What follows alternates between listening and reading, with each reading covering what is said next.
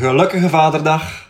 En op deze Vaderdag wil ik beginnen met te zeggen dat ik zelf eigenlijk geen perfecte papa ben. En al heel wat vaderlijke fouten heb gemaakt. En dat is ook normaal. Want vaders zijn mensen. En soms maken ze fouten. Bij mij is het niet anders. Nu, gelukkig eh, mogen we beseffen dat we een geweldig voorbeeld hebben. Dat we een fantastische papa hebben in de hemel. God, onze Vader. Nu, als een vader echt een vader wil zijn, dan is er een fatale fout die hij niet durft te maken. Er is één fundamenteel iets dat een vader moet zijn, want als hij dat niet is, dan is hij eigenlijk geen vader. Hoewel hij misschien wat betrokken is geweest bij het ter wereld brengen van een kind. Nu, wat is dat fundamentele ding van een vader? Wel, ik ben blij dat je het vraagt. Ben je ook zo benieuwd? Wel, laten we Matthäus 6 eens nader bekijken om erachter te komen. We lezen bijvoorbeeld in Matthäus 6, vers 9 tot 13 het gebed wat we het Onze Vader noemen. Het hele hoofdstuk 6 valt daardoor enorm op. En gebed is een belangrijk thema in dit hoofdstuk. Maar het is niet het meest opvallende thema. Wat is het overheersende thema hier? Wel, we zien namelijk een bepaald woord telkens weer doorheen heel het hoofdstuk terugkeren. En het woord is Vader. Wat twaalf keer wordt het woord Vader in het hoofdstuk gebruikt. En hier verwijst Jezus herhaaldelijk naar God als zijn Vader. God als onze Vader.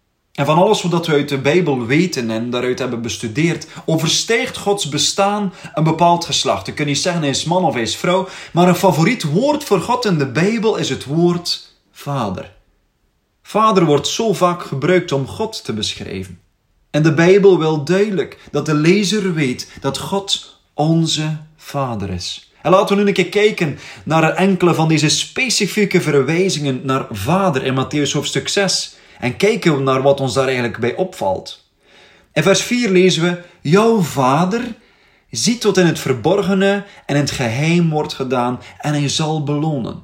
In vers 6: Als je bidt, doe de deur dicht en bid tot uw ongeziene vader of uw vader in het verborgene is. Ook in vers 6, uw vader die ziet, zal jou belonen. Vers 8, jouw vader weet wat je nodig hebt, nog voordat je het hem vraagt. Vers 9, dit is dus hoe je moet bidden. Onze Vader in de hemel. Vers 14, jouw hemelse Vader zal u vergeven. En vers 18 lezen we dan weer, jouw Vader die ziet zal u belonen. Vers 26. Jouw hemelse vader voedt ze. En dat gaat hier over vogels in deze context. En in vers 32 tot slot. Je hemelse vader weet dat je ze nodig hebt. En in de context is dat hier dan voedsel en kleding. Wat vertellen deze versen ons over Gods vaderschap als we al deze uitdrukkingen van Jezus en Matthäus 6 over onze hemelse vader nu naast elkaar leggen en dat ze allemaal opgesomd krijgen? Wat is het meest fundamentele element van zijn vaderschap? Wel, zou het kunnen zijn dat hij niet afwezig is? Met andere woorden, als Jezus zegt dat de Vader ons kent, ons ziet, onze gebeden hoort, ze verhoort, dat hij ons beloont en weet wat we nodig hebben op het gebied van voedsel en kleding, moet hij dan ook niet volledig en altijd aanwezig en beschikbaar zijn voor zijn kinderen? Hij moet daarvoor inderdaad aanwezig zijn. Hij is de God die in alle opzichten en te alle tijden voor zijn kinderen aanwezig is. De Bijbel zegt, hij is toegankelijk en te midden van zijn kinderen aanwezig. Hij staat klaar om te voorzien, om te beschermen en te troosten. Halleluja. Op de meest fundamentele manier is hij onze hemelse Vader. Psalm 46, vers 2 in de grondtekst zegt: God is een altijd aanwezige hulp en moeilijkheden. Wanneer Jezus zijn discipelen leert bidden, dan begint hij met het feit dat we onze Vader aanspreken als de allereerste woorden die wij gebed uitspreken. En waarom? Omdat gebed niet in eerste plaats een transactie is waarbij uh, ik God vertel wat ik wil of wat ik nodig heb. Nee, het is in eerste plaats een relatie met God, die mijn vader is, die onze vader is en die altijd bij mij aanwezig is. Dank u, Jezus. Alles wat ik moet doen is mij rechten en mij afstemmen op zijn aanwezigheid. Want hoewel hij ongezien is, is hij echt en is God aanwezig.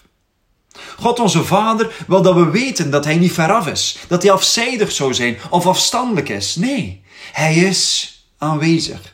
Onze Vader in de hemel is beschikbaar. Hij ziet ons. Hij kent ons. Hij is bij ons.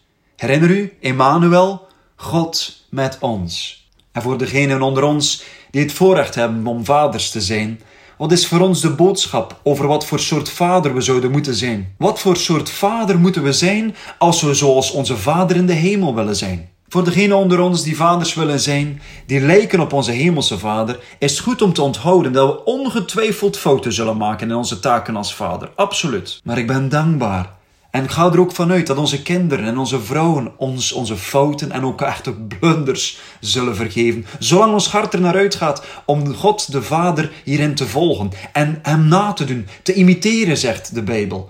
Ook in hetgeen we net hebben besproken met elkaar, namelijk dat we echt aanwezig zijn voor onze kinderen, beschikbaar zijn, dat we onze kinderen kennen ze echt kennen. Dat we naar onze kinderen luisteren zoals onze hemelse Vader naar onze gebeden luistert. Als onze liefde wordt getoond door onze zorgzame aanwezigheid en dan met hart en ziel, dan zullen we vader zijn op de manier zoals God, de Hemelse Vader, onze papa is. En deze podcast zou onvolledig zijn mocht ik het volgende niet zeggen, want het tegenovergestelde is dus ook waar.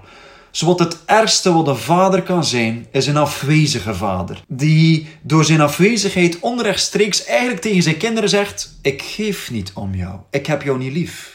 Ik ben God echt dankbaar dat ik zelf, dat wij als kinderen zijn grootgebracht met geweldige ouders, ondanks vele fouten die ze hebben gemaakt, en met een aanwezige, liefhebbende vader. En ik besef dat niet iedereen dit gezegende voorrecht heeft gehad en nog steeds niet heeft, en dat is pijnlijk. Want onze ouders, zelfs al zagen ze al vooraf gebeuren dat we fouten zouden maken, toch hebben ze mij altijd gesteund. Zijn ze altijd aanwezig geweest. En dat is zo mooi om te zien. Maar als je dat niet hebt, dan besef ik dat dat heel pijnlijk is. Het is ook tragisch om de vernietigende werking te zien die voortkomt vanuit een afwezige vader. Kinderen zijn altijd namelijk op zoek naar de aanvaarding en de zegen van een vader. Lees maar in de Bijbel. Kijk maar rondom u heen. Het is zo waar. Laat het dus ook een waarschuwing zijn voor ieder van ons die misschien een afwezige vader is of zo neigt te worden. Als je nog maar de woorden googelt, mijn vader was nooit in de buurt of zoiets in die trant, dan zal je heel wat pijn zien op je scherm. Je leest namelijk hartverscheurende verhalen over kinderen die schrijven over vaderlijke verlating en verwaarlozing. Je voelt dus de sfeer door je computerscherm van kinderen die lijden. Ze vertellen hun gruwelijke verhalen online aan de wereld, omdat hun vaders er niet waren om naar hen te luisteren. Ze waren geen vaders naar Gods beeld, omdat ze er nooit waren voor hun kinderen. Als vaders roept God ons op om aanwezig te zijn bij onze kinderen. Dit is hoe wij als vaders op God kunnen lijken. Oké, we kunnen dus het voorbeeld van God de Vader volgen als we aardse vaders zijn, maar hoe zit het nu met mensen die geen vaders zijn? Wat als we vrouwen, alleenstaanden of mannen zonder kinderen zijn? Hoe is de boodschap van God de Vader op hen van toepassing? Wat moeten zij dan doen? Wel, hier zijn enkele voorbeelden en enkele manieren waarop degenen die geen vader zijn een leven van vaderschap kunnen leiden. Eerst en vooral, kies ervoor om een vader te worden voor de vaderlozen, ongeacht uw leeftijd of uw geslacht. Er zijn namelijk heel wat gekwetste, gebroken kinderen, jong en oud, die dringend behoefte hebben aan een liefdevolle, ondersteunende aanwezigheid. Beslis vandaag nog dat je een vader of een moeder zult zijn in iemands leven. Volgens verschillende studies groeit meer dan 1 op 4 van de kinderen wereldwijd op zonder een vader thuis. Of zonder een aanwezige vader thuis. En dat is schrijnend als je dat beseft. Want ze verlangen allemaal naar een ondersteunende aanwezigheid. Ten tweede, als jij zelf een afwezige vader had, vergeef hem dan. Zelfs vandaag en bid voor hem. Ik besef dat vandaag deze vaderdag dan ook niet eenvoudig is voor jou.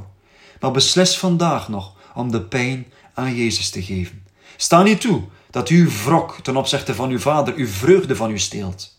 En ik weet dat dit cliché klinkt en ook als heel eenvoudig overkomt, maar ik besef dat dit niet even gemakkelijk is voor iedereen.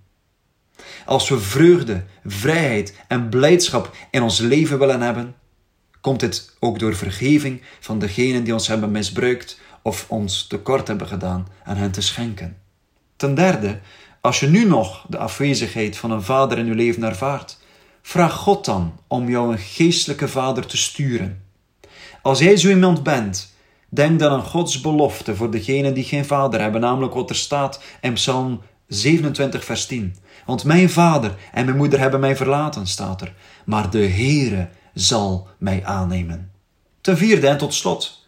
Als u een afwezige vader was in de vormingsjaren van uw kinderen, nog in het prille begin, doe dan nu uw best om nu wel aanwezig te zijn. Stel uzelf nederig op en vraag uw kinderen om u te vergeven.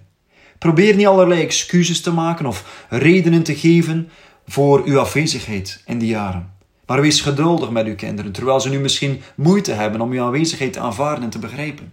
Een Amerikaanse president schreef in zijn boek deze woorden over zijn afwezige vader. Iedereen probeert de verwachtingen van zijn vader waar te maken of de fouten van zijn vader goed te maken.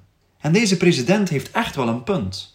En dat is ook trouwens ondertussen ook wetenschappelijk bewezen dat kinderen die lijden aan afwezigheid van een vader geneigd zijn te proberen hun innerlijke en uiterlijke problemen en trauma's te verhelpen door te proberen te voldoen aan wat de vader verwachtte of door te proberen een goed leven te leiden en op die manier proberen te verzoenen voor de misdaden en de fouten van hun eigen vader. En ik denk dat de Bijbel ons wijst op nog een derde manier om te reageren op een afwezige vader, namelijk we hoeven onze eigen innerlijke problemen en zonden en fouten en tekortkomingen en pijn en vuiligheid niet uit onszelf te herstellen of boete te doen voor de zonde van onze vader of van onze ouders. In plaats daarvan kunnen we worden verlost door onze hemelse Vader. Lieve mensen, God wil jou verlossen en aanwezig zijn als jouw hemelse Vader in jouw leven. We kunnen volkomen rusten in de sterke en liefdevolle omhelzing en knuffel van God onze Vader en Zijn genade, voorziening en aanwezigheid doorgeven waar we ook gaan en staan. Op die manier kunnen wij dan zelf vader worden van de vaderlozen. En dat is ook mijn gebed voor u vandaag op deze bijzondere Vaderdag. Dus nogmaals, proficiat aan alle papa's en aan iedereen. Wees als God de Vader. Wees een aanwezige Vader voor de ander. In Jezus' naam. Amen.